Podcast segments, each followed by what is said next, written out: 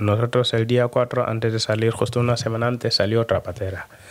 Y los, los que estaban en esa patera, o sea, se rompió la patera en ese tramo, estaban todos muertos, ¿no? Y les vimos flotando. Y, y claro, en ese momento es cuando empiezas a ver como que la ansiedad y que, pues, el miedo, ¿no? De que lo mismo que les ha pasado esto me puede, me puede pasar a mí.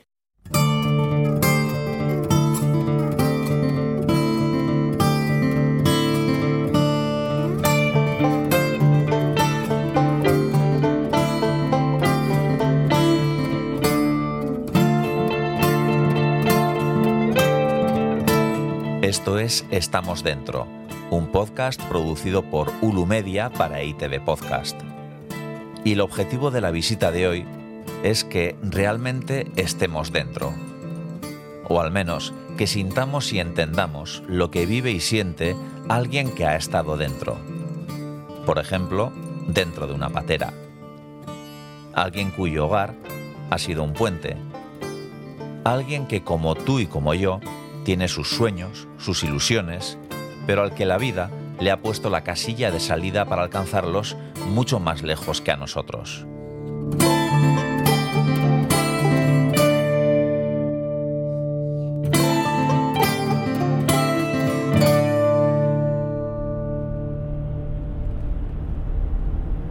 Utiliza el carril derecho para tomar la salida en dirección al Gorta, luego mantente a la derecha. El coche tiene calefacción, gasolina y un navegador que nos lleva a nuestro destino. En este caso, a conocer a Emballe Hill y su historia. Hoy quiero hablar menos que nunca. Quiero escuchar y que escuchéis. Más que nunca. Acompañadnos en este viaje. Empieza en Senegal, acaba en Algorta y os hago un spoiler. Tiene final feliz. Pero es una excepción una entre miles. Si me apuráis, una entre millones.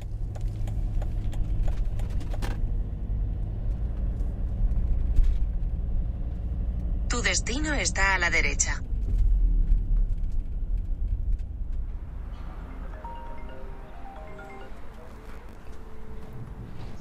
Sí, en Valle. Hola, que estoy en el portal 6. eh, Me dijiste el... No, pero tenés que... Es, es una... Es una... Es la calle Churrichi, la parte de abajo. Abajo, vale, estoy en la parte de arriba. ¿Estás en la parte de arriba? Pues Sí. en la parte de abajo... eh, no sé, bajas unas escaleras. Vale. eh, Sí, estoy luego- aquí ahora bajando las escaleras. Vale, te das la vuelta a la derecha. Ujú. Vale, si bajas las escaleras... Ahora voy a dar la vuelta. ah, Ahí vale, estás. Aquí. Venga. Hola. Buenas. Buenas, ¿qué tal? Hola. John, encantado. Hola, Emma, encantado, sí. ¿qué Bueno? Adelante. bueno. Hola. Ella es mi pareja. Buenos días. John, encantada. igualmente. Pues no sé. Sí, ahora ya. La niña, pues, Irina. Hola. Irina. Sí. Sí, sí. Vale. Nada, pues bienvenido. Gracias. Pues nada, sería encontrar una mesita donde nos podamos Ajá. sentar con los micrófonos Vale. y charlamos un, un ratito. ¿La grande o pues.? Igual ahí mejor, Sí. así por sí, por Ah, espacio, por espacio y y eso, vale. sí. A ver. Pues creo que ya está todo conectado. Probamos tu micrófono en Valle. A ver, a ver, sí. Ahí estás. Sí. Vale, tenemos público y todo. Sí, tenemos público. Aquí la familia, que creo que ya se sabrán la historia. Sí, de sobra, sí, sí. Pero bueno, voy a silenciar el teléfono, que también es importante, También. que a veces nos llaman en el momento más, Menos más esperado. inoportuno. Bueno, en Valle Gil o en Valle Babacar Diouf. Bueno, ¿Es la misma persona? es la misma, sí. Es la misma persona. Claro, pero con, Dos historias muy diferentes, ¿no? Una en Senegal y la otra en Euskadi. Eh, Eso es. Así, pues bueno, en Valle Babacar, el niño que salió de Senegal. Y ahora en Baijil, eh, nada, el enfermero y fundador de la ONG Sunugal y pues nada, y hijo de Juan Gil también. Tan importante en esta historia, también hablaremos de él, pero hablemos de ese niño que con creo 15 años mm, sale de Senegal en una patera. ¿Qué, ¿Qué es lo que te esperabas encontrar? Porque a veces no Mm, decimos, tan, tan mal están allí para pasar pues toda esa odisea. En tu caso creo que no fue, bueno, cruzaste en una patera a Canarias, A que Canarias, tampoco sí. es moco de pavo, ¿no? No, Pero no. bueno, vemos de otros países que tienen que cruzar todo el desierto, que hacen una odisea de distintos países. Sí, es diferente, sí. Yo, pues bueno, la verdad es que cuando estás en, en tu país y ves que la gente, pues ¿no? te vende la idea de que pues lo mejor está en Europa y que aquello es el paraíso y que aquello tu vida va a cambiar, pero, o sea, de un momento a otro, ¿no? A mejor, y claro, y a ti te venden esa idea y ves que pues la, pues la situación en casa no es la adecuada o no es la mejor. Y claro, y te la planteas, te planteas y dices, pues si él ha podido ir a, a Europa y mejorar la vida de su familia y suya, pues también, pues hombre, yo también puedo intentarlo. Sí, porque hay, hay mucho de... No es una decisión, es personal, evidentemente, pero también es una decisión familiar en muchos casos, ¿no? De, bueno, eh, vas a Europa para ayudar a los que se quedan. Eso es, eso, la decisión, eso, ¿no? Muchas veces es familiar. De hecho, hay gente que, pues bueno, cuando está de acuerdo, pues bueno, con la familia, que me voy a ir a Europa, pero en mi caso es, es diferente porque yo no puedo decirle a mi madre que voy a coger una patera, con todos los ri- riesgos que conlleva esto, ¿no? Al final yo tomé esa decisión, pero tuve que engañarla, ¿no? Para decirle que me voy a jugar un partido de fútbol y voy a montar una patera, porque si no, ella, por muy mal que estemos y que la situación dice, pues prefiero seguir en la pobreza que perder un hijo, ¿no? Y al final, pues esa es una de las cosas por las que yo decidí no, coger, no decidirle que iba a coger una patera. Uf, qué duro para tu madre, ¿no? Porque Pues claro, sí. tú cuando consigues comunicarte con tu madre y decirle que ya estás bien. Sí, pues eso fue bastante largo porque fue pasó mucho tiempo porque yo recuerdo que salí en agosto, pero hasta octubre no llegué a Tenerife y hasta marzo del año 2004 yo no pude decirle a mi madre que no pude contactar con ella. Y la historia es claro que durante todo ese tiempo, pues mi madre, pues bueno, ¿no? Eh, mucha gente y pues familiares, vecinos pues en Valle está, se ha muerto en el mar, ¿no? O sea, porque ha intentado coger una patera y se ha quedado en el mar. Y mi madre, pues de- también tuvo esa idea. O sea, de hecho me dieron por muerto, pero ella, pues mi primera conversación con ella fue como que yo hasta que no me lo dijera o que no lo ve- vea con mis propios ojos, no, no me lo iba a creer, pero he dado, te he dado por muerto en muchas ocasiones. Y claro. Y esa llamada con ella, pues bueno, fue como un. O sea, quitarse un peso de encima y decir, pues está bien, está vivo, pero qué mal lo he pasado, ¿no? Qué mal lo hemos pasado tanto, ¿no? Y al final eso para mí también fue muy duro y que pues para ella sobre todo también o sea, fue muy duro, pero también mo- un momento de alegría, ¿no? Decir que pues mi, mi hijo está vivo y porque habían pasado nueve meses. Nueve meses sin saber nada de ti, que Eso es. supongo alguien sabía, aunque no se lo dijiste a tu madre, a alguien le dirías que, oye, que voy a cruzar en una patera y bueno, pues cuando Pues- pueda os, os cuento cómo ha ido. Sí, la verdad es que, pues bueno, yo tampoco lo hablé mucho, porque al final, como cuando yo tomé esa decisión y que la gente con la que yo había pactado para venir en patera y pues dije, pues bueno, nada, lo voy a guardar en secreto y un amigo que me acompañó a coger el autobús para ir al sur del país, porque yo, yo soy de Dakar y tuve que ir al sur del país, le dije que iba a ir acá, pues a ver a mi abuela y pues bueno, ¿no? Y, pero ella olía algo como que, porque parte del dinero que tenía se lo di a él y, Y claro, y él ya olía algo, pero entonces, pero tampoco dijo nada porque no le quise dar más detalles, porque a lo mejor le habría dicho a mi madre, oye, pues en Vice te está diciendo que bajó un partido, pero... Y de hecho mi madre cuando pues un tiempo estuvo un tiempo sin verme, el primero que fue a contactar fue, o sea, fue él y decirle, oye, ¿qué sabes de Mbai? Eso no. Que a mí me dijo que iba a ir a casa a la abuela, pero sin más. Y Claro, porque ahí las comunicaciones, pues también ahora pensamos, no, le mando un WhatsApp. Le, bueno, Claro. esa es otra realidad y como decías, nueve meses sin poder comunicarte con Comunicar. tu madre y, y decirle que, que su hijo está vivo. eso es.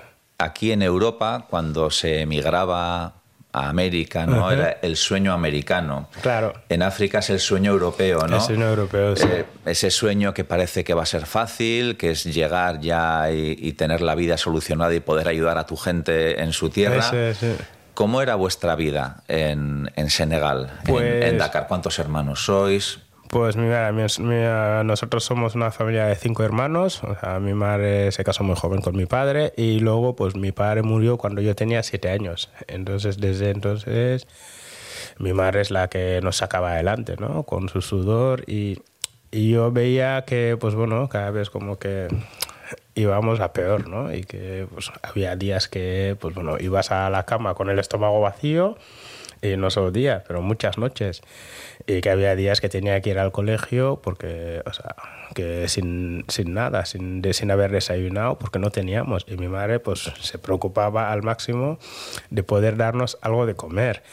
Y eso tú lo ves, pues eso, con 7, 8 años, pues al final vas creces en ello, ¿no? Y luego con el tiempo, pues yo a los 15 años, yo ya estaba, pues eso, ¿no? En el instituto viendo las cosas y en ese momento decidí de que estamos muy mal, pero yo pues tengo que hacer algo. Soy el hombre de la familia muchas veces. ¿Que eras porque el tengo- mayor? No, yo soy el mediano. El mediano. Tengo dos mayores, dos hermanas mayores y dos pequeñas, pero ¿A todos chicas? Claro, todo chica. Y en ese caso, claro, yo veía que como otras familias, pues con otros hermanos, porque allí es verdad que cuando ya los hombres son, o sea, son ya adultos, ¿no? Y muchos se preocupan en cómo traer más, o sea, ¿no? Traer dinero a casa, ayudar a la familia y los padres, pues como que también, como que le dan la delegan a los hijos ¿no? Eh, ciertas cargas ciertas cargas familiares y en, en, en mi caso fue fue muy complicado porque éramos dos chicas las chicas ayudaban a mi madre era el único que estudiaba porque mi madre no podía permitirse pagar más o sea, ¿no? Mm, los estudios a más gente en mi casa y ¿Eras buen estudiante? Sí. Por la cuenta que te traía, ¿no? Sí, y, y eso, entonces en ese momento, pues claro, al final eh, yo veía eso y que como yo era la apuesta, ¿no? La apuesta al futuro, ¿no? Y, y y estudiar no me daba, o sea, no me daba más. Y que aunque luego en verano yo me buscaba la vida trabajando en otras cosas, incluso me pagaba yo los estudios, o sea, el material escolar, incluso la matrícula la pública, pero llegó un momento en que tenía que tomar esa decisión, porque el sufrimiento diario que veía en casa y sobre todo de mi madre es una de las cosas que más me empujó a tomar esa decisión, porque la vida estaba era tan dura en ese momento y si seguía así, pues no sabía lo que iba a pasar pues en el futuro, ¿no? O tal vez seguiríamos en la pobreza, pero o más o menos, ¿no? Y cuando pues lo pensé, dije, es que no, no, lo, no lo tuve que pensar dos veces. Cuando salió la oportunidad dije, pues a por ello. Bajas al sur de Senegal y cruzas en una patera a las Islas Canarias. Eh, ¿Cómo consigues ¿no? ese billete, entre comillas, para esa patera? ¿Y, y cómo es esa odisea? ¿Cuántas horas son? Eh, ¿Llegasteis todos los que salisteis? Eh, pues bueno, mira, la idea fue de que yo pues, oí, pues oía a uno hablar del tema y fui a preguntarle, oye, pues cómo, cómo va eso, porque yo sabía que venía gente en patera, pero no, ni, no tenía ni idea, de hecho yo no sabía ni no nadar ni nada. Y me dice, no, son los pescadores que trabajan con algunas personas, que pues pactan con ellos, cogen una patera y luego llevan a la gente, pero les cobran tanto a cada uno. Y digo, jo, pues eso es mucho dinero, ¿no? Y le dije, pues voy a ponerme en contacto con ellos y, y di con ellos, di con, con esa gente. Y cuando fui a hablar con ellos, claro, lo primero que me dijeron es que tú no puedes ir en una patera porque es un crío, ¿no? Eres un niño con 15 años y además primero no tienes el dinero y luego es un riesgo. Digo, ya, pero es que yo quiero ir. Me dicen, es que no, no tienes para pagarnos. Y, pa- y quedé con ellos en pagarles al llegar a España. Y me dijeron, pues bueno, es una opción, ¿no? Y que se lo tenían que pensar, pero yo insistí en que quería, quería salir, quería salir, y me dijeron, vale, pues te, te avisamos con tal, o sea, ¿no? Tal fecha, tal hora, que tienes que estar en tal sitio. Y le dije, vale. Y yo entonces, eh, como era verano, yo estaba pues haciendo trabajos en un laboratorio que hacían fotografías y pues allí hecho con los recaos, ¿no? Muchas otras cosas. Y con el dinero que conseguí en esos días previos, pues me dio para llegar hasta, para coger un autobús hasta el sur del país y luego pues esperar allí. Y, y cuando llegamos allí, pues eh, yo vi que había muchísima más gente esperando, pues eso, ¿no? Que iba a lo mismo que yo. Y eso fue en agosto. Y en agosto, pues bueno, la, el día 17 de agosto salimos de noche en, la, en una patera y salimos durante, pues de allí y durante cinco días hasta Mauritania. Y luego uno de los que llevaba la patera dijo, eh, esto no va a acabar bien porque la patera se está rompiendo y si seguimos adelante nos vamos a morir todos. Y claro, y estábamos ahí, no sabíamos qué hacer y él dijo, no, yo hay que yo la decisión que tengo es que hay que volver porque si seguimos un día más nos vamos a morir todos en plena mar. Y tomamos la y to- se tomó la decisión de volver y volvimos en en el sur. Pero claro, yo todavía estaba en Senegal, pero no podía decirle a mi madre que estaba pues en el sur y nada. Entonces ya, no, bueno, de hecho no tenía ni teléfono ni nada y me quedé allí. Pues bueno, sobreviviendo en el campo con, con la gente que estábamos esperando a que saliera nuestra siguiente patera, ¿no? Pero en condiciones. Y estuvimos todo el mes de septiembre ahí en, en la zona, el sur, y hasta el día 4 de octubre, que es cuando salimos otra vez rumbo a Canarias. Y en ese viaje sí que pues salió bien, pero tardamos 10 días de viaje. O sea, salimos el 4 y llegamos el 14. Diez días en una patera sin saber nadar. Sin saber nada, y con 137 personas también.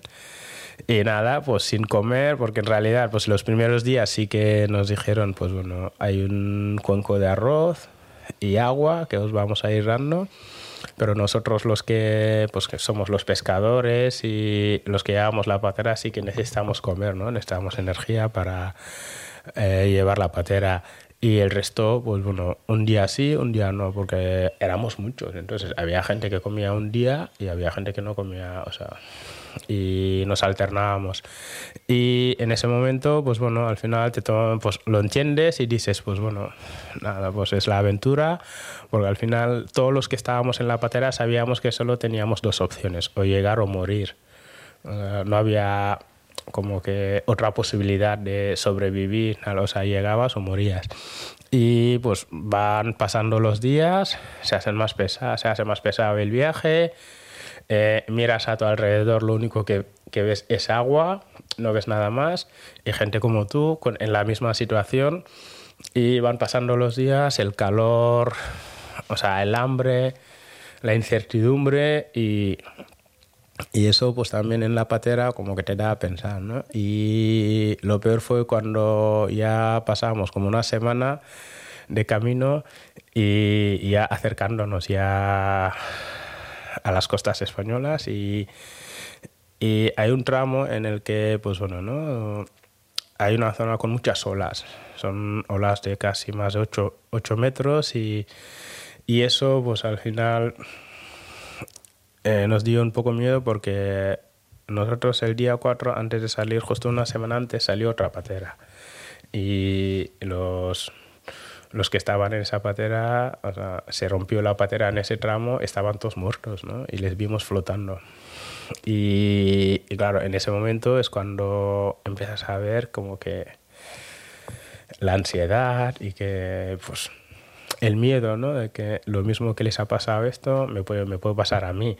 Y la persona que daba la patera dijo, vamos a ver, eso es real y que si seguimos al mismo ritmo que ellos, eh, vamos a acabar igual. Entonces lo que se decidió es apagar el motor y que nos lleve, nos lleve la marea, pues así, pues hasta salir de ese tramo, porque si no íbamos a morir todos.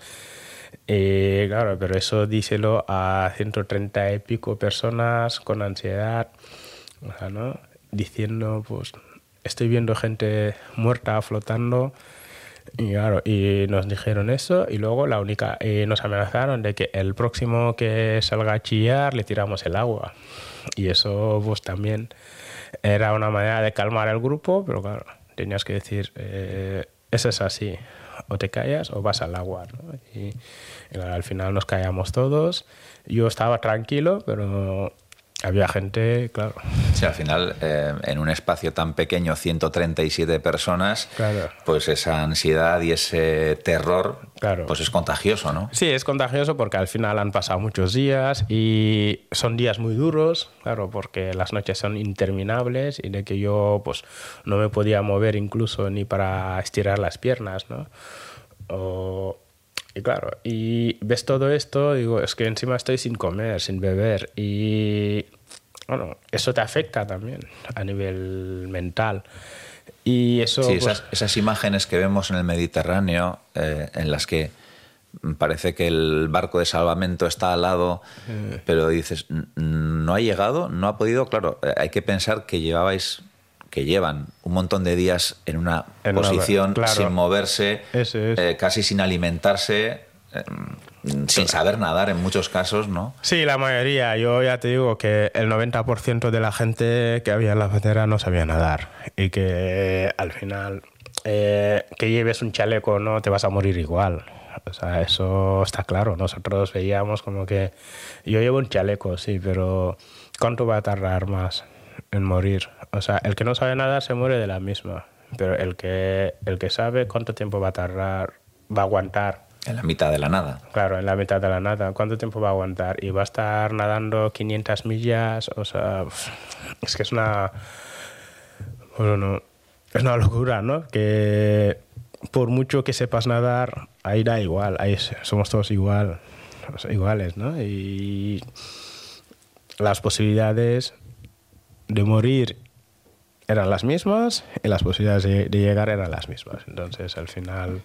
Era un cara o cruz y en ese caso salió cara porque llegasteis. Claro, sí, llegamos ya al de 10 días, ya llegamos a Tenerife y ahí llegamos, perfectamente, el 14 de octubre a las 5 de la tarde. Allí nos rescató el salvamento marítimo y luego, pues bueno, ¿no? Lo- la Cruz Roja.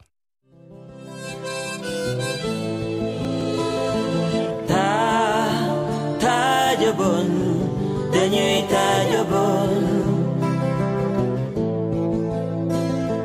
ta ta jabon dañuy ta jabon abdu hu jambar ñaari malaika la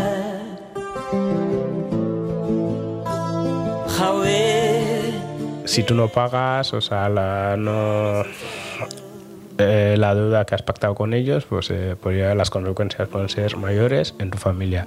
Si tienes hermanas pequeñas o menos, que secuestrarles y pues, eh, traerles a Europa y no, no, dedicarse a la prostitución o lo que sea, ¿no?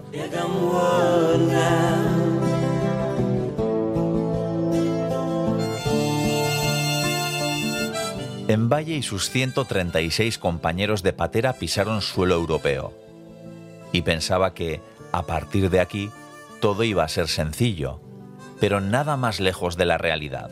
Cuando nosotros ya llegando veíamos las imágenes de las casas y digo, es que ya he cumplido mi sueño, o sea, estoy en Europa, esto ya, mi vida ha cambiado por completo y no puedo ir a peor.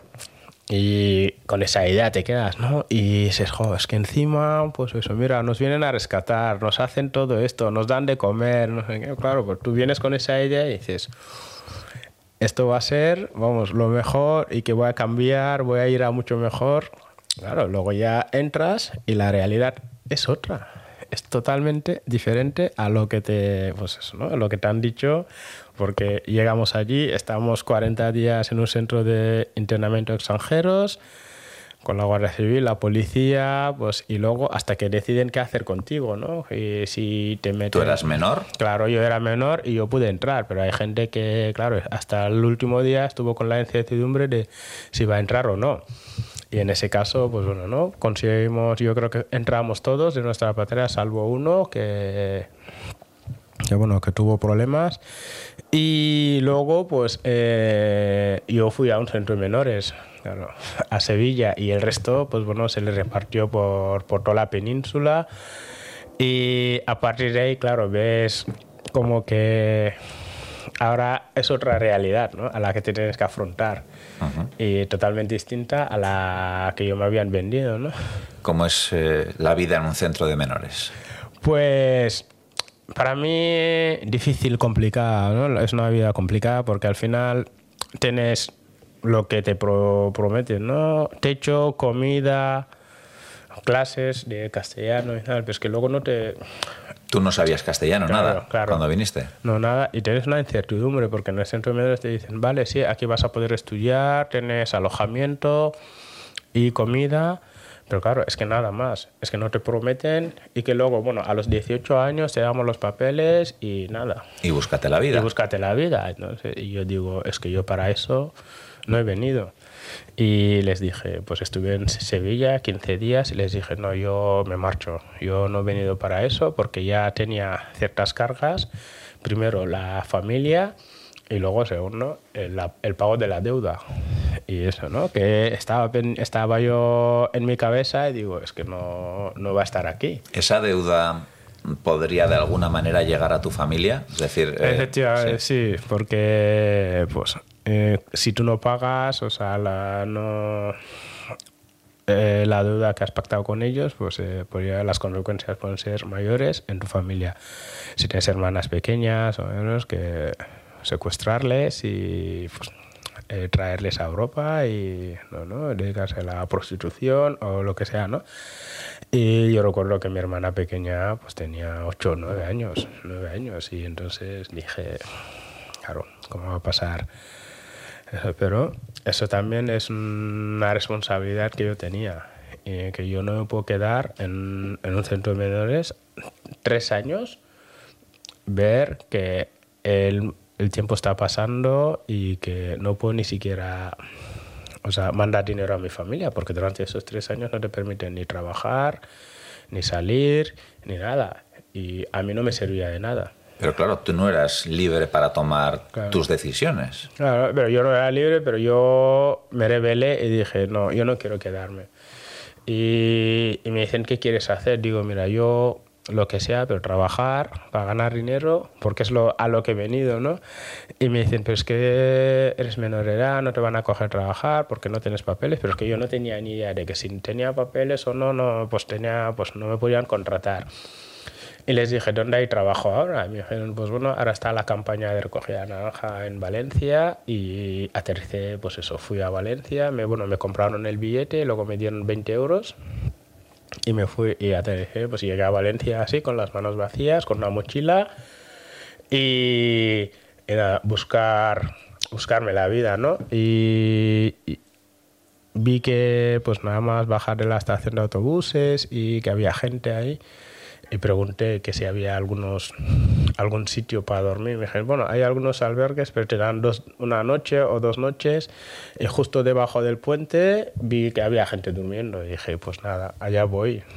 Y me fui a, pues, ¿no? a hablar con la gente y pues busqué unos cartones y empecé a dormir allí. Y al día siguiente, pues bueno, como veía que muchos se iban a, pues, al lugar donde le recogían para ir a trabajar al campo y fui. Y allí pues encontré pues, ¿no? trabajo para recoger naranja. O sea, ¿no? Con mis 15 años empecé y, y a recoger pues naranja en el campo que no tenía ni idea claro y, pero bueno digo siempre que hay un hay una primera vez no Y sin hablar prácticamente nada de Nada, castellano. Nada, poco, o sea, y, pero bueno, eh, yo tenía esa idea y pues había gente también que llevaba tiempo, que ya se arreglaba con el castellano y pues bueno, al final vas aprendiendo, o vas oyendo cosas y así es cuando empecé a hablar con la gente. Y trabajando, pues empecé mi primer día, luego estuve una semana, 15 días y claro, esperando a que me pagaran y me dicen, no, es que la- los primeros 15 días son de prueba, pero te vamos dando pagando de semana en semana. Y al final, claro, es una explotación que, claro, ellos sabían que no teníamos ni idea de derechos ni nada y de nuestros derechos y, claro, y del pago mucho menos, ¿no? Y pues te explotan y te pagaban, pues igual 40 euros al día. Nosotros nos levantamos a las 5 de la mañana y hasta las 8 de la tarde no llegábamos otra vez. Y recogíamos las la- naranja, mandarina, luego pues meterlas en cajas, apilarlas y meterlas en el camión y luego que la lleven a la fábrica, ¿no? Y así estuve, pues bueno, poquito a poco, pues y pasamos, eso fue ya en diciembre, pasaron las navidades y hasta marzo, o sea, no pude conseguir, o sea, reunir dinero para comprar un teléfono, un teléfono móvil para poder llamar, ¿no? Porque las llamadas las hacía en las cabinas telefónicas, que en aquel entonces todavía estaba... Todavía había. Todavía había, ¿no? Y yo pues tenía memorizado el teléfono de unos vecinos de mi madre y claro, que era... No había móviles y claro, y pues igual en un barrio entero solo había una casa que tenía un teléfono fijo, ¿no? Y es cuando pues conseguí pues dar con ellos y decirles, oye, pues quiero hablar con mi madre y, y mi madre estaba a la otra a, la otra punta, pero bueno, tardó, pues dije- diles que decirle que pues tal día voy a llamar para que y claro, y ella pues se desplazó y me estuvo esperando hasta que yo pude llamarla y, y hablar con ella. Eh, y a partir de ese momento, pues bueno, ya todo como que todo lo que había pasado, No, nueve meses hasta conseguir hablar con tu madre y decirle que estabas bien. ¿Y cuándo pudiste pagar la deuda? Pues tarde, o sea, otros ocho años, porque yo llegué, pues, ¿no? En 2003, pero en el 2004 que empecé a trabajar, pues, luego terminó el trabajo del campo y nos dedicamos a la venta ambulante, ¿no? Y Top Manta, el famoso Top Manta. Y empezamos a trabajar, claro, eso es otra aventura porque ya empiezas a... Eso en Valencia En también. Valencia, sí. Y, y claro, luego pues la persecución policial, pues claro, eso no- yo no tenía ni idea, pero luego lo veías y es bueno, nada. Que- Tú decías, si estos corren, yo corro. Claro, al final es eso, ¿no? y digo, pues a, a por ello, pues en verano te dedicabas a esto hasta otoño y luego, pues en otoño, si te apetecía seguir con la venta ambulante o trabajar en el campo, ¿no? Pero como el trabajo en el campo era más tranquilo, ¿no? Y, y que al menos te garantizaba que ganabas algo, y pues seguimos con ello, ¿no? Y a partir de ahí, pues bueno, vamos peleando y luego, pues en el, hasta el año 2006, pues yo estuve, no, del 2004 hasta el 6, o sea, yo estuve en Valencia. Pues ahí luego ya también, eso, ¿no? Siendo menor de edad tuve varias detenciones por, por la policía y eso, ¿no? Cada, cada detención eran 72 horas máximo, ¿no? Que te tenían allí. Y lo vivías y pues bueno, decía, es que la primera detención dije, va, yo no voy a volver a hacer esto, vamos, en, la vida, porque con lo mal que lo he pasado, ni en Senegal sabía lo que era un calabozo y ahora de repente aquí, esa humillación, pero salías y dices, ¿qué hago? O sea, salías y dices, ¿qué voy a hacer? O sea, ¿dejo de vender? ¿Dejo de ganar dinero? ¿Dejo de eso? Pues no, entonces, y seguías otra vez. Y yo recuerdo que la, la segunda detención, no sé si fue al de dos semanas o tres, y, y luego con el tiempo, pues tarde, pues yo, eh, o sea, otro, la tercera fue pues al, de, pues al año siguiente, ¿no? que te cogen las huellas y todo y decías vale pues cogen todas mis todas mis huellas o lo que sea y luego también corrías el riesgo de que ya el hecho de que vendes en la calle, tienes, o sea, venta ilegal y, eso, y luego te, te detienen, corres el riesgo de que te deporten, ¿no? Pero yo, pues uno con 10 17 años, tal, al final ellos también tampoco te pueden deportar, ¿no? Por ese hecho de ser edad. Bueno, ahora es diferente porque ahora están la como devoluciones en caliente, ¿no? Que eso y, y entonces, pues bueno, en ese momento yo veía que aquello no, no, yo no tenía futuro allí y pues y en ese en el verano 2006 fue- empezamos a dar vueltas por el país o sea fuimos a las fiestas de, pues, de otros pueblos y en, y en julio pues en Pamplona estuvimos en, en los Sanfermines allí sí que veíamos que teníamos más posibilidades de vender más de vender otros artículos que no solo fueran los CDs y las películas y que pues, había más gente en las fiestas y aprovechamos luego nos quedamos por la zona del norte en todas las fiestas de pueblo en pueblo y luego pues hasta, hasta llegar a Bilbao. Y llegamos a Bilbao en la Astenagusia y y vimos que, claro, pues había mucha gente trabajando y luego también, pues hablas con la gente, ¿no? Que vive aquí y te dicen, pues hombre, yo creo que aquí es mucho mejor, ¿no? Porque no hay tanta persecución policial y que pues sí.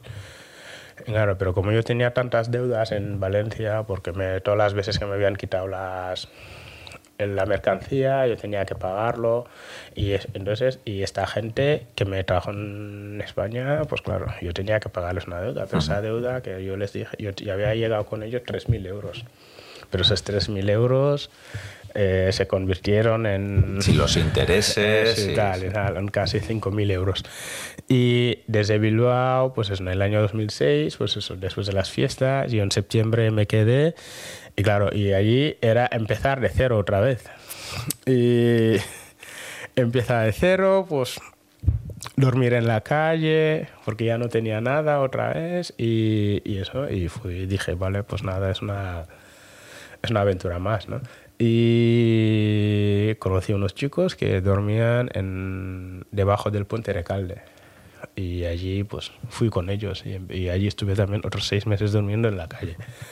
Y de mientras, pues bueno, me buscaba la vida vendiendo, pues ya empecé con calcetines, luego ya pues de esos calcetines pasabas pues a, pues, a bufandas y luego ya con CDs y películas y ya como que tienes algo más. Y entonces es allí cuando empieza empieza pues eso, ¿no? El pago de la deuda, ¿no? Con la gente que yo había pactado. Y entonces ellos me suministraban los CDs y las películas y yo lo, con, con lo que ganaba, ellos ganaban una proporción, tenían una parte muy grande, porque una película valía 5 euros, ¿no? Pero 4 euros eran para ellos y, y así poco a poco bajaron la deuda y hasta el 2011 que terminé de pagar la deuda con ellos. Pero Cinco años en Bilbao con esa venta ambulante ese, para poder pagar ya finalmente esa deuda. Esa deuda.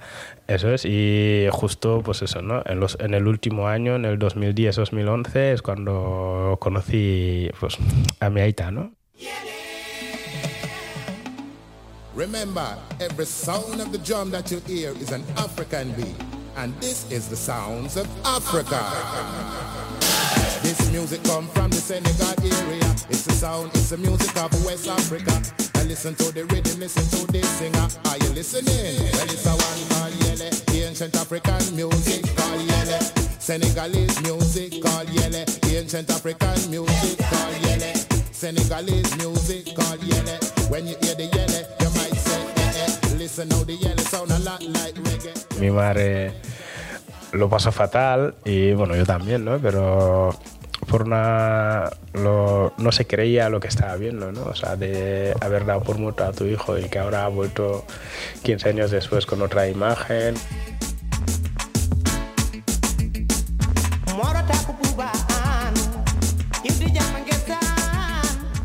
Este Aita se llama Juan Gil y jugó un papel fundamental en que la suerte de Envalle cambiara.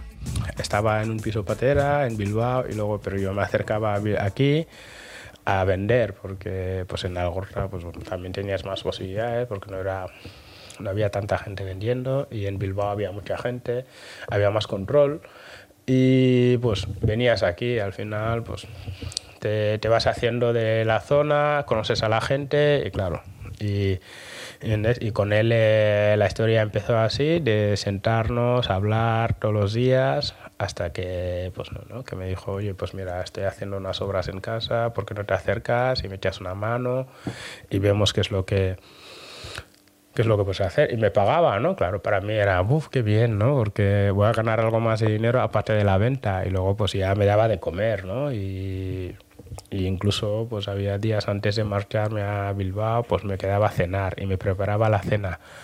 Y pues en ese tiempo, pues establecimos una relación de confianza y, y, me dijo, pues mira, ya han terminado las obras, no tengo otro trabajo que darte, pero bueno, te puedes venir a comer todos los días y luego, y luego pues pasar los días y me dice, pues ¿por qué no te quedas a dormir?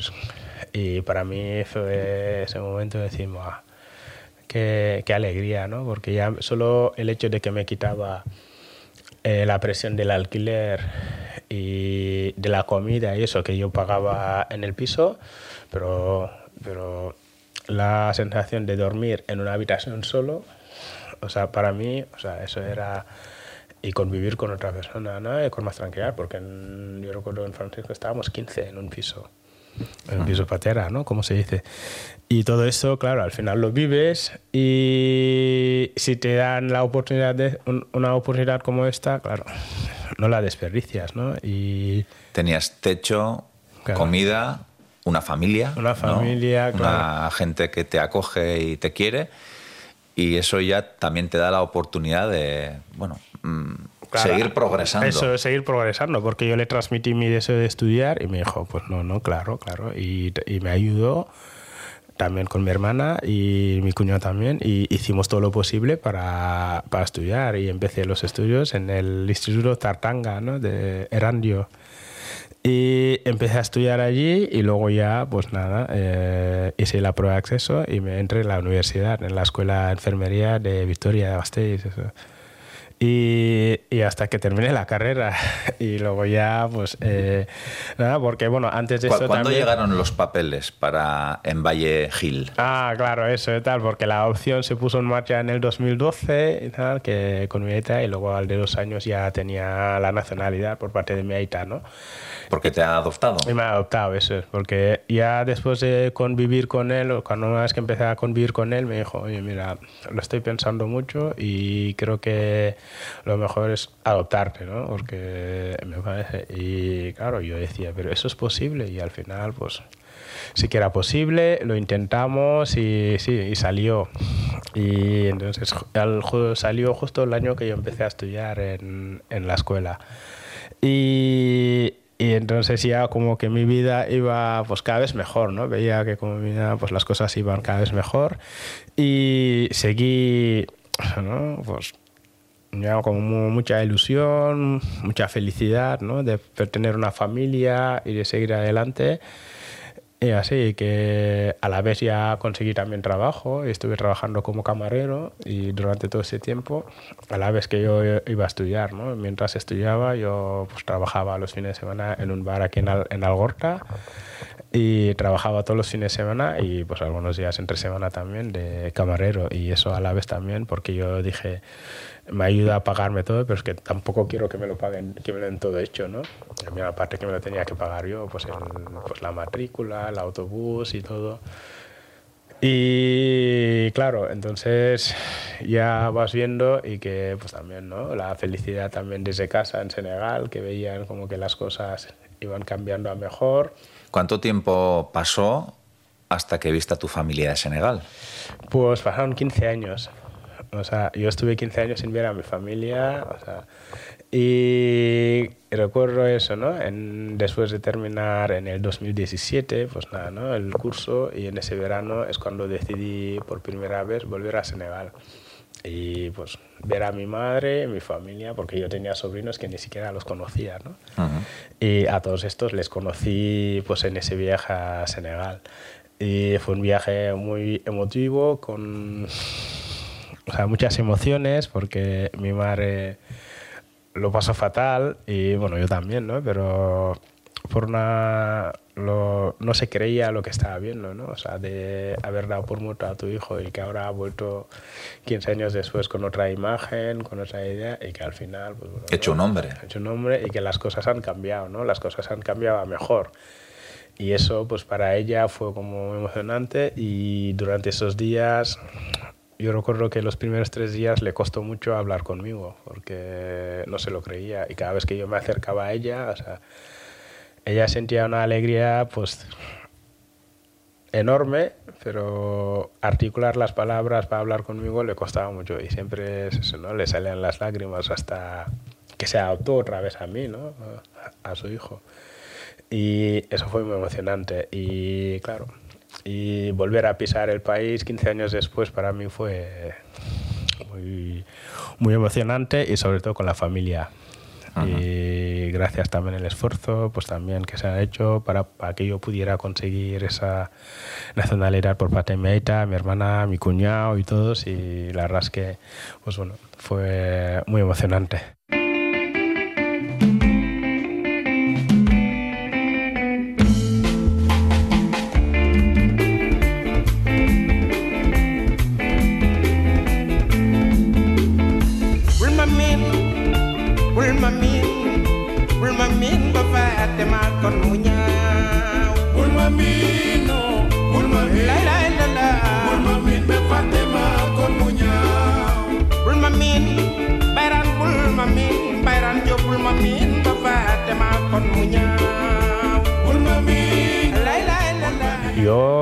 Pues tengo trabajo y tengo mi vida, pero ¿cuántos como yo hay?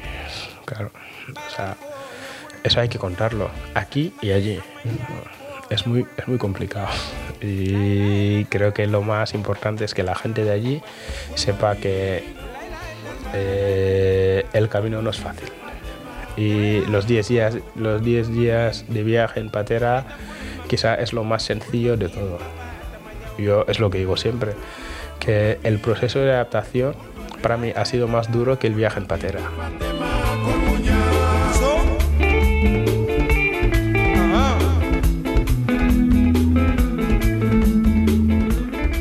Con el título universitario, el horizonte de Envalle se despejó. Y por su generosidad y compromiso, el de mucha gente más. Sí, me gradué en el 18 y ya, pues eso, ¿no? Empezar a trabajar como, como eso, ¿no? Como enfermero en, en, el hospital de Basurto. Y ya es otra, otra etapa, ¿no? O sea, como que empezas una nueva etapa, ¿no? Como ya dejé los estudios y luego como... Y también de camarero, ¿no? Y porque tenía ya mucha, mucha experiencia en esto, porque ya eran muchos años y al final... Y ahora ya entro, pues eso, ¿no? Paso a otra, a otra fase, ¿no? Una fase en, la, en el cuidado de las personas, ¿no? Que es siempre lo que me, me, me ha gustado.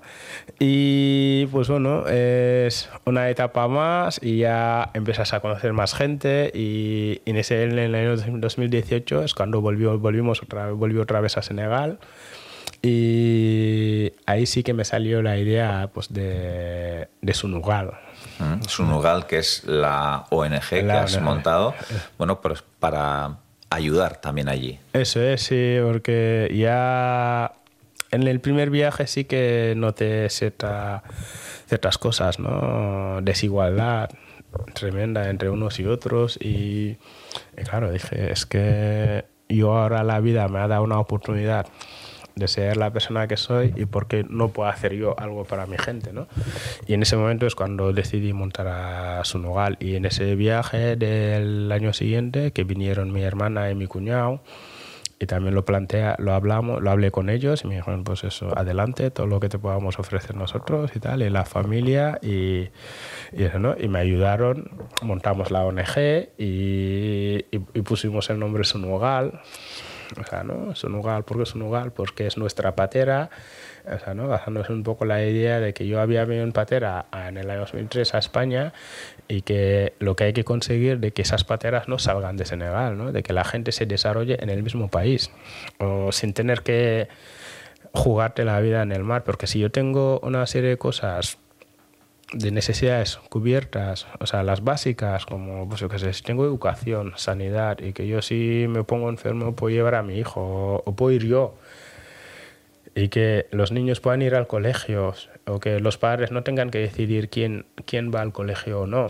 O sea, si va el varón o la niña, se queda en casa. Entonces, esa pues también es la idea es un igual, ¿no? De que todo el mundo se pueda desarrollar en el mismo país y luego, pues, a día de mañana, que si quieres ir a Europa, que lo puedas hacer como lo hacemos nosotros ahora cuando vamos a Senegal, coger un visado, o bueno, de hecho nosotros no, ¿no? Pero que pueda conseguir un visado y entrar a Europa en condiciones, pero no jugando de la vida en el mar, porque al final cada vez hay más gente que toma esa esa ruta y más muertes y esa ruta genera muchas más muertes y la idea de Sunugal es evitar esas muertes, ¿no? Y entonces ya pues desarrollamos nuestros programas, los proyectos en educación y en sanidad. Pues bueno, sanidad porque yo me dedico a la sanidad, conozco a la gente. Y has encontrado también, bueno, mucha gente que ha querido implicarse en el proyecto, ¿no? Que tienes Sí. mm, poder de convocatoria, Eso, de convicción. Sí, sí, sí.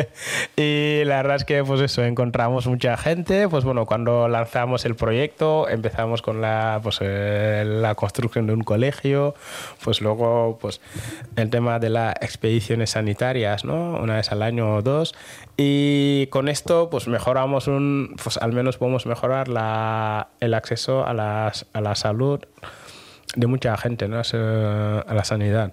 Y- Claro, en esto, de por medio una pandemia, Una que me pandemia. imagino que mm, paralizó Todo. mucho el proyecto y también aquí nos quejamos ¿no? de, de cómo hemos vivido la pandemia, pues habría que ver cómo fue en Senegal, ¿no? Eso es, la verdad es que sí, porque para mucha gente fue, o sea, sí aquí fue duro, pero para muchas personas en el resto del mundo, no solo en África, pero en otras zonas, en países en vías de desarrollo, fue muy duro, porque esa gente vive al día, ¿no? Vive al día, o sea, que yo si hoy no salgo a trabajar o a vender, mi familia no come. Y que esa gente se, ve, se vea obligada a estar en casa durante X tiempo, pues es, es muy duro, ¿no? Y lo que generó es mucha más pobreza, gente que no vivía, o sea, que no tenía ni para comer y que se vio obligada, y luego gente que tenía que salir porque tenía que salir, porque si no, no salía, ¿no? Y si no, que había toques de queda. Y, y entonces, claro, eh, nuestros proyectos se paralizó en el 2020 hasta, pues, ¿no? hasta 2021, bueno, hasta finales de 2021 y pues bueno, en el empezamos a llevar ciertas cosas materiales, mandar materiales que nos han donado de otros de aquí de los hospitales y centros y también de la gente y luego pues en, en abril de ese año eh, volvimos a Senegal y pues ya pues volvemos a firmar otro convenio con, con las autoridades para poder trabajar y seguimos con nuestra idea, pues eso, ¿no? Ya empezamos con el colegio, porque de hecho, por ejemplo, estamos cerrando el muro del colegio, estábamos cerrando el colegio con una subvención que nos ha concedido el Ayuntamiento de Vitoria de Gasteiz. Y, y luego, pues de socios que tenemos, ya conseguimos hacer otras cosas y pusimos en marcha hace año y medio un programa de microcréditos a mujeres para, para, para que puedan emprender y tener su propia autonomía también, ¿no? luchar esa desigualdad que hay entre hombres y mujeres en el país y sobre todo en la zona. Y luego, pues, eh, y a partir de allí iniciamos lo que, te- o sea, ponem- volvemos a poner en marcha las expediciones, ¿no? Que teníamos en marcha, pero que lo paralizó la pandemia. Y, Y acabáis de volver de esa expedición con un grupo de médicos y enfermeros. Sí. ¿Cómo ha sido la experiencia? Pues bastante chula, la verdad, porque ha sido una experiencia inolvidable, ¿no? Tanto para nosotros, para los que, los que han ido y luego para la gente de allí, ¿no? Porque ha sido 14 días intensos, de mucho trabajo, eh, muchas emociones y muchas cosas y la gente ha podido disfrutarlo porque lo llevamos planeando desde pri- pri- principio de año y vemos cómo la gente nos estaba esperando, ¿no? Porque para mucha gente que vengan unas personas de otro país ¿no? a, co- a cooperar y trabajar con nosotros y facilitar el acceso a la sanidad a muchas personas, o sea, aunque sea para una consulta y que me digan que tengo esto, pues para mucha gente ha sido ajá, un alivio en su vida diaria y aquellas personas que hemos tenido que intervenir porque llevaban años con un bulto o con cualquier cosa en, en su cuerpo y que no podían quitarlo porque sí, allí sí que lo tiene que pagar.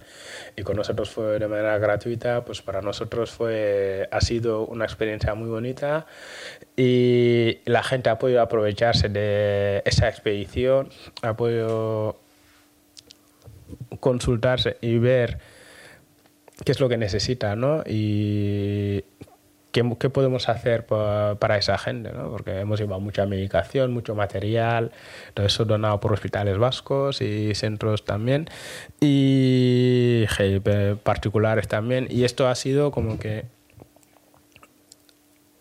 todas las cosas que hemos hecho, nos hemos quedado con la sensación de que hemos hecho poco, pero no ha sido poco, porque a día de hoy eh, suena el teléfono y la gente te llama para darte las gracias. Y le digo, no, pues no, a mí no me tienes que dar las gracias, porque yo considero que es un deber que tengo ¿no? con mi pueblo. Y gracias a la ayuda de, entre todos hemos podido ponerlo en marcha, ha salido bien. Eh, la gente ha salido contenta, el grupo también, y eso, pues es eh, nuestra idea es seguir haciéndolo, pues, pues cada, cada seis meses ir a Senegal a hacer esto, pero sobre todo también formarles, o sea, ¿no? La parte formativa es muy importante para nosotros, o sea, que yo no voy a hacer intervenciones o consultas durante 10 días porque luego quienes se quedan allí son los profesionales de allí, ¿no? Esto que se dice, ¿no? De no dar el pescado, sino enseñarles a pescar, ¿no? Eh, Aplicado en el ámbito sanitario. efectivamente. Y, y eso es muy importante porque si vamos y hacemos todo lo que podemos ahora, porque pues, en 10 días podemos dejarnos la piel y hacer todo, pero claro, pues que la formación es, es muy importante.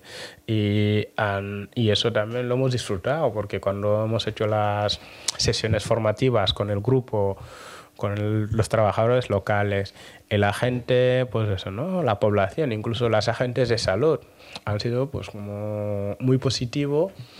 ¿Qué tal es la colaboración con la administración pública senegalesa? ¿Se han implicado? Sí, se han implicado, pero bueno, al final eh, tú entras en un país y pues tienes que seguir las normas del país y que las leyes del país, porque al final muchas veces también te- cuando vamos de cooperantes, igual muchas veces pensamos, no, es que vamos allí a cooperar, entonces no me tienen que poner trabas. Digo, no, no, escucha, tú, tú vienes de España y tienes que ir, a- vas a un país y tienes que entender que en ese país tiene sus normas, sus leyes que tienes que acatar, ¿no?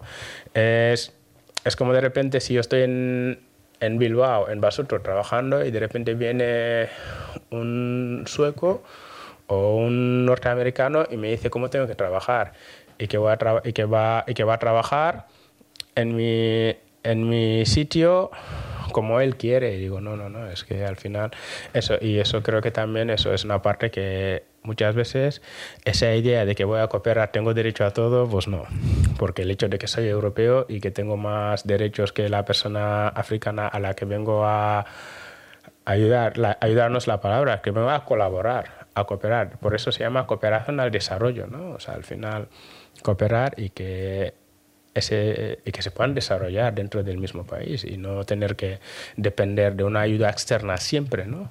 Porque esos viajes, pero que en algún momento se puedan parar, pero se quedan allí. Y esto, claro, es importante. Y esperemos que el próximo mes de marzo y abril pues podamos hacer lo mismo o más, ¿no? y, y que le- y que sigamos haciéndolo sin, con, porque tenemos una lista interminable de voluntarios que, quieran, que, se, que se quieren sumar en el proyecto. En Valle, em, la gente ¿no? que nos esté escuchando y que diga, pues yo quiero colaborar con Sunugal, ¿cómo lo pueden hacer o, dónde pueden ver un poco lo que estáis haciendo? Pues bueno, en Sunugal estamos eso, ¿no? Estamos en las redes y pues tenemos una página, una página web que es www.sunugal, sunu con o sea g2al.org y allí están todos nuestros proyectos y los que quieran colaborar pues de alguna manera pues bueno lo pueden hacer de manera pues puntual, ¿no? Con una donación puntual o hacerse socio con una cuota voluntaria que quiera hacerse una persona, pues y decir y pues todo eso, pues bueno, para poder poner en marcha más proyectos que tenemos en mente, ¿no? Y ejecutar los proyectos, porque ahora pues también nuestra idea es ampliar ese crédito, ¿no? Ese para financiar a más mujeres en la zona y pues el colegio, pues seguir adelante con el colegio y, y la guardería también que está en ejecución, que también trabajar en ello, ¿no? Entonces es una serie de cosas que nosotros tenemos en la mente de mejorar la vida de esas personas y si pues cuanto más gente somos mejor y luego la gente que sea que quiera que sea sanitaria o que quiera pues cooperar con nosotros, pues también tiene nuestro email en, el, en, en la página web, nos puede escribir y decir, pues, y, y nosotros les contestamos y en, en ese viaje, en el siguiente, puedan entrar, pues bueno, se le, bienvenidos sean, ¿no? Y La web sunugaal con dos as, punto org. eso es. Unas últimas preguntas en Valle. Eh, Juan Gil ha llegado a ir a Senegal. ¿Ha, conocido a tu otra familia? Bueno, Meita todavía no, porque bueno, Meita ya pues, tiene sus 75 años y pues al final un viaje a Senegal de esas características es muy intenso para él y pues bueno, nada, al final él conoce a nuestra familia, conoce a la familia en Senegal, pues ¿no? a través de videollamadas y, y siempre que estamos allí, pero mi hermana y mi cuñado, pues eso, ¿no? Todos los años vienen a Senegal, conocen, bueno, eh, pues somos, tenemos una familia extensa, ¿no? La senegalesa y la bilbaína, pues todo junto, ¿no? Y eso es lo bonito, porque al final, pues eso, ¿no? Tenemos tantas cosas entre todos y, y mi, mi padre lo disfruta también. Eso lo disfruta con mi hermana y pues todo, ¿no? Y es el, en abril iremos unos cuantos también de la familia a Senegal otra vez. Entonces eso, eso es bonito. Tú tienes ya tu propia familia en Algorta. ¿Te ves algún día volviendo a hacer ese viaje de vuelta a, a Senegal, a quedarte allí? No es una decisión que solo te corresponda a ti, pero Claro. bueno. Sí, pues bueno, al final, al final eh, el tiempo lo dirá, ¿no? Porque al final vas viendo cómo son las cosas y cómo, cómo mejorar la vida, pero bueno, de momento mi vida está aquí y todo lo que puedo hacer en Senegal también, ¿no? Pero con el tiempo pues ya, ya veremos qué, qué podemos hacer, porque sí que estaría bien poder estar más cerca, pero yo creo que... sí. Así que, pues bueno.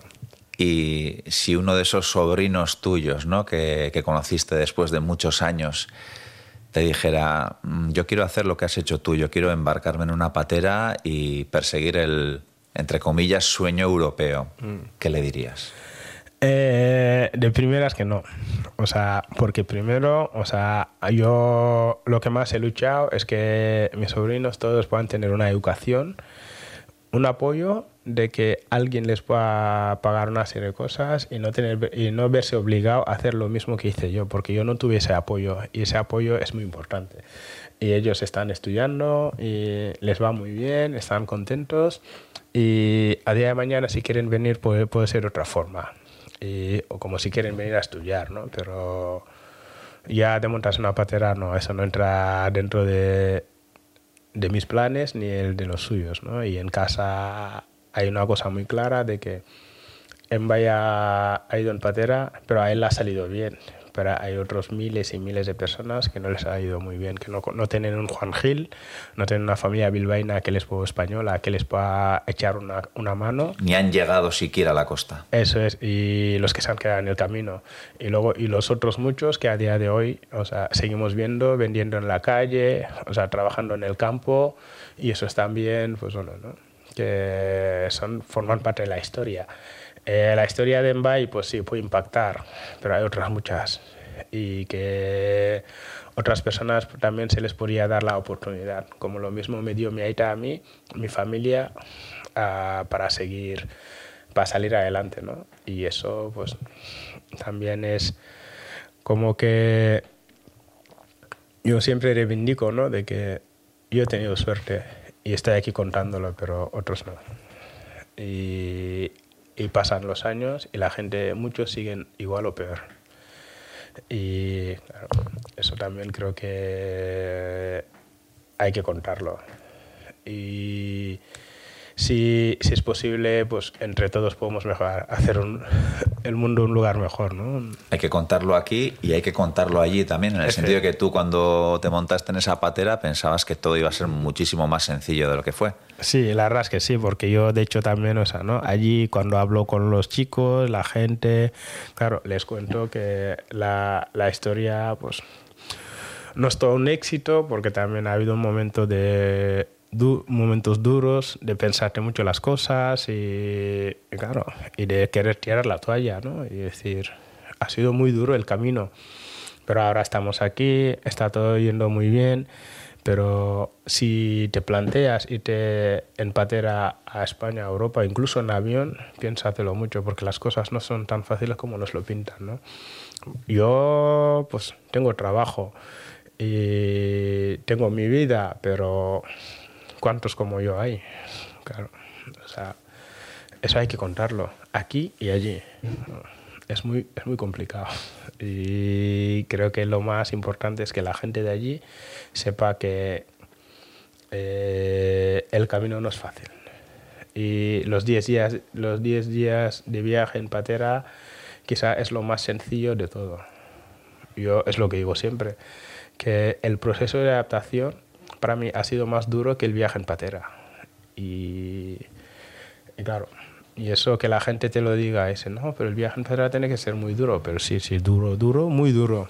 Pero luego encontrarte en un país que no conoces a nadie, una ciudad, que la gente no te conoce y que a veces la gente ni se te acerca y que tú estés durmiendo en la calle eh, durante X tiempo, pensando en la familia, pensando en que si voy a comer hoy o mañana. Claro, a mí cuando, me, cuando estoy en Senegal me dicen, en Europa la gente pasa hambre y, claro, de primeras dices, es imposible, ¿cómo la gente puede pensar, cómo la gente puede pasar hambre en Europa? Sin embargo, vienes y lo ves. Y no solo inmigrantes, o sea, no, porque también hay gente de aquí que lo pasa mal. Pero claro, eso no te lo dicen en las noticias y no te lo dicen cuando intentas coger una patera para entrar a Europa. Es que no te lo dicen. O cuando vas a, pasas por Libia, ¿no? O pasas por Marruecos, pasas por el desierto hasta llegar a Melia, a Ceuta, Melia o, y saltar la valla. Eso no te lo cuentan. Pero eso, claro, la gente tiene que saberlo. Y nos ha encantado que nos lo hayas contado, que hayas compartido tu, tu experiencia con nosotros en Valle Gil. Un, un placer, un lujo y, y, mucha suerte, ¿no? Y que, bueno, pues mmm, sigáis desde Sunugal ayudando a mucha gente y haciendo que, que esa distancia ¿no? entre ambos países uh -huh. eh, sea menor, ¿no? Sea Culturalmente, bueno, cada uno tiene su cultura, pero que en cuanto a derechos, en cuanto a calidad de vida, pues cada vez todos vivamos un poquito mejor. Un poquito mejor, pues sí, de eso se trata y pues ojalá podamos seguir consiguiéndolo y nada, y muchas gracias y el placer es mío. En Valles, qué ricasco. Nada, Suri.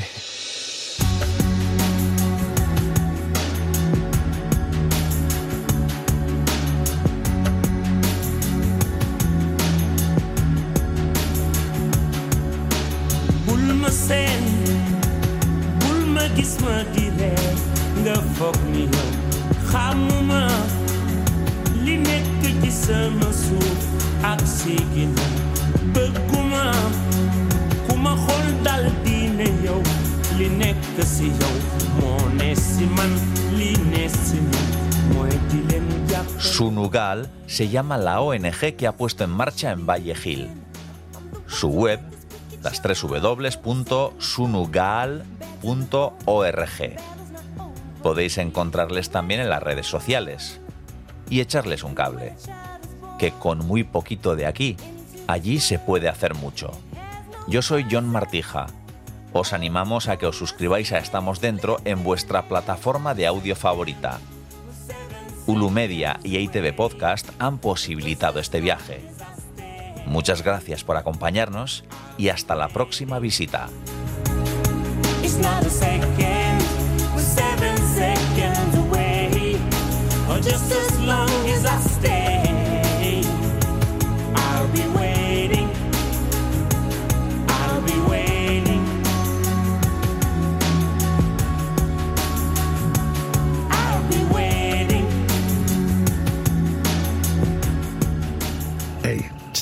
Entzun hori.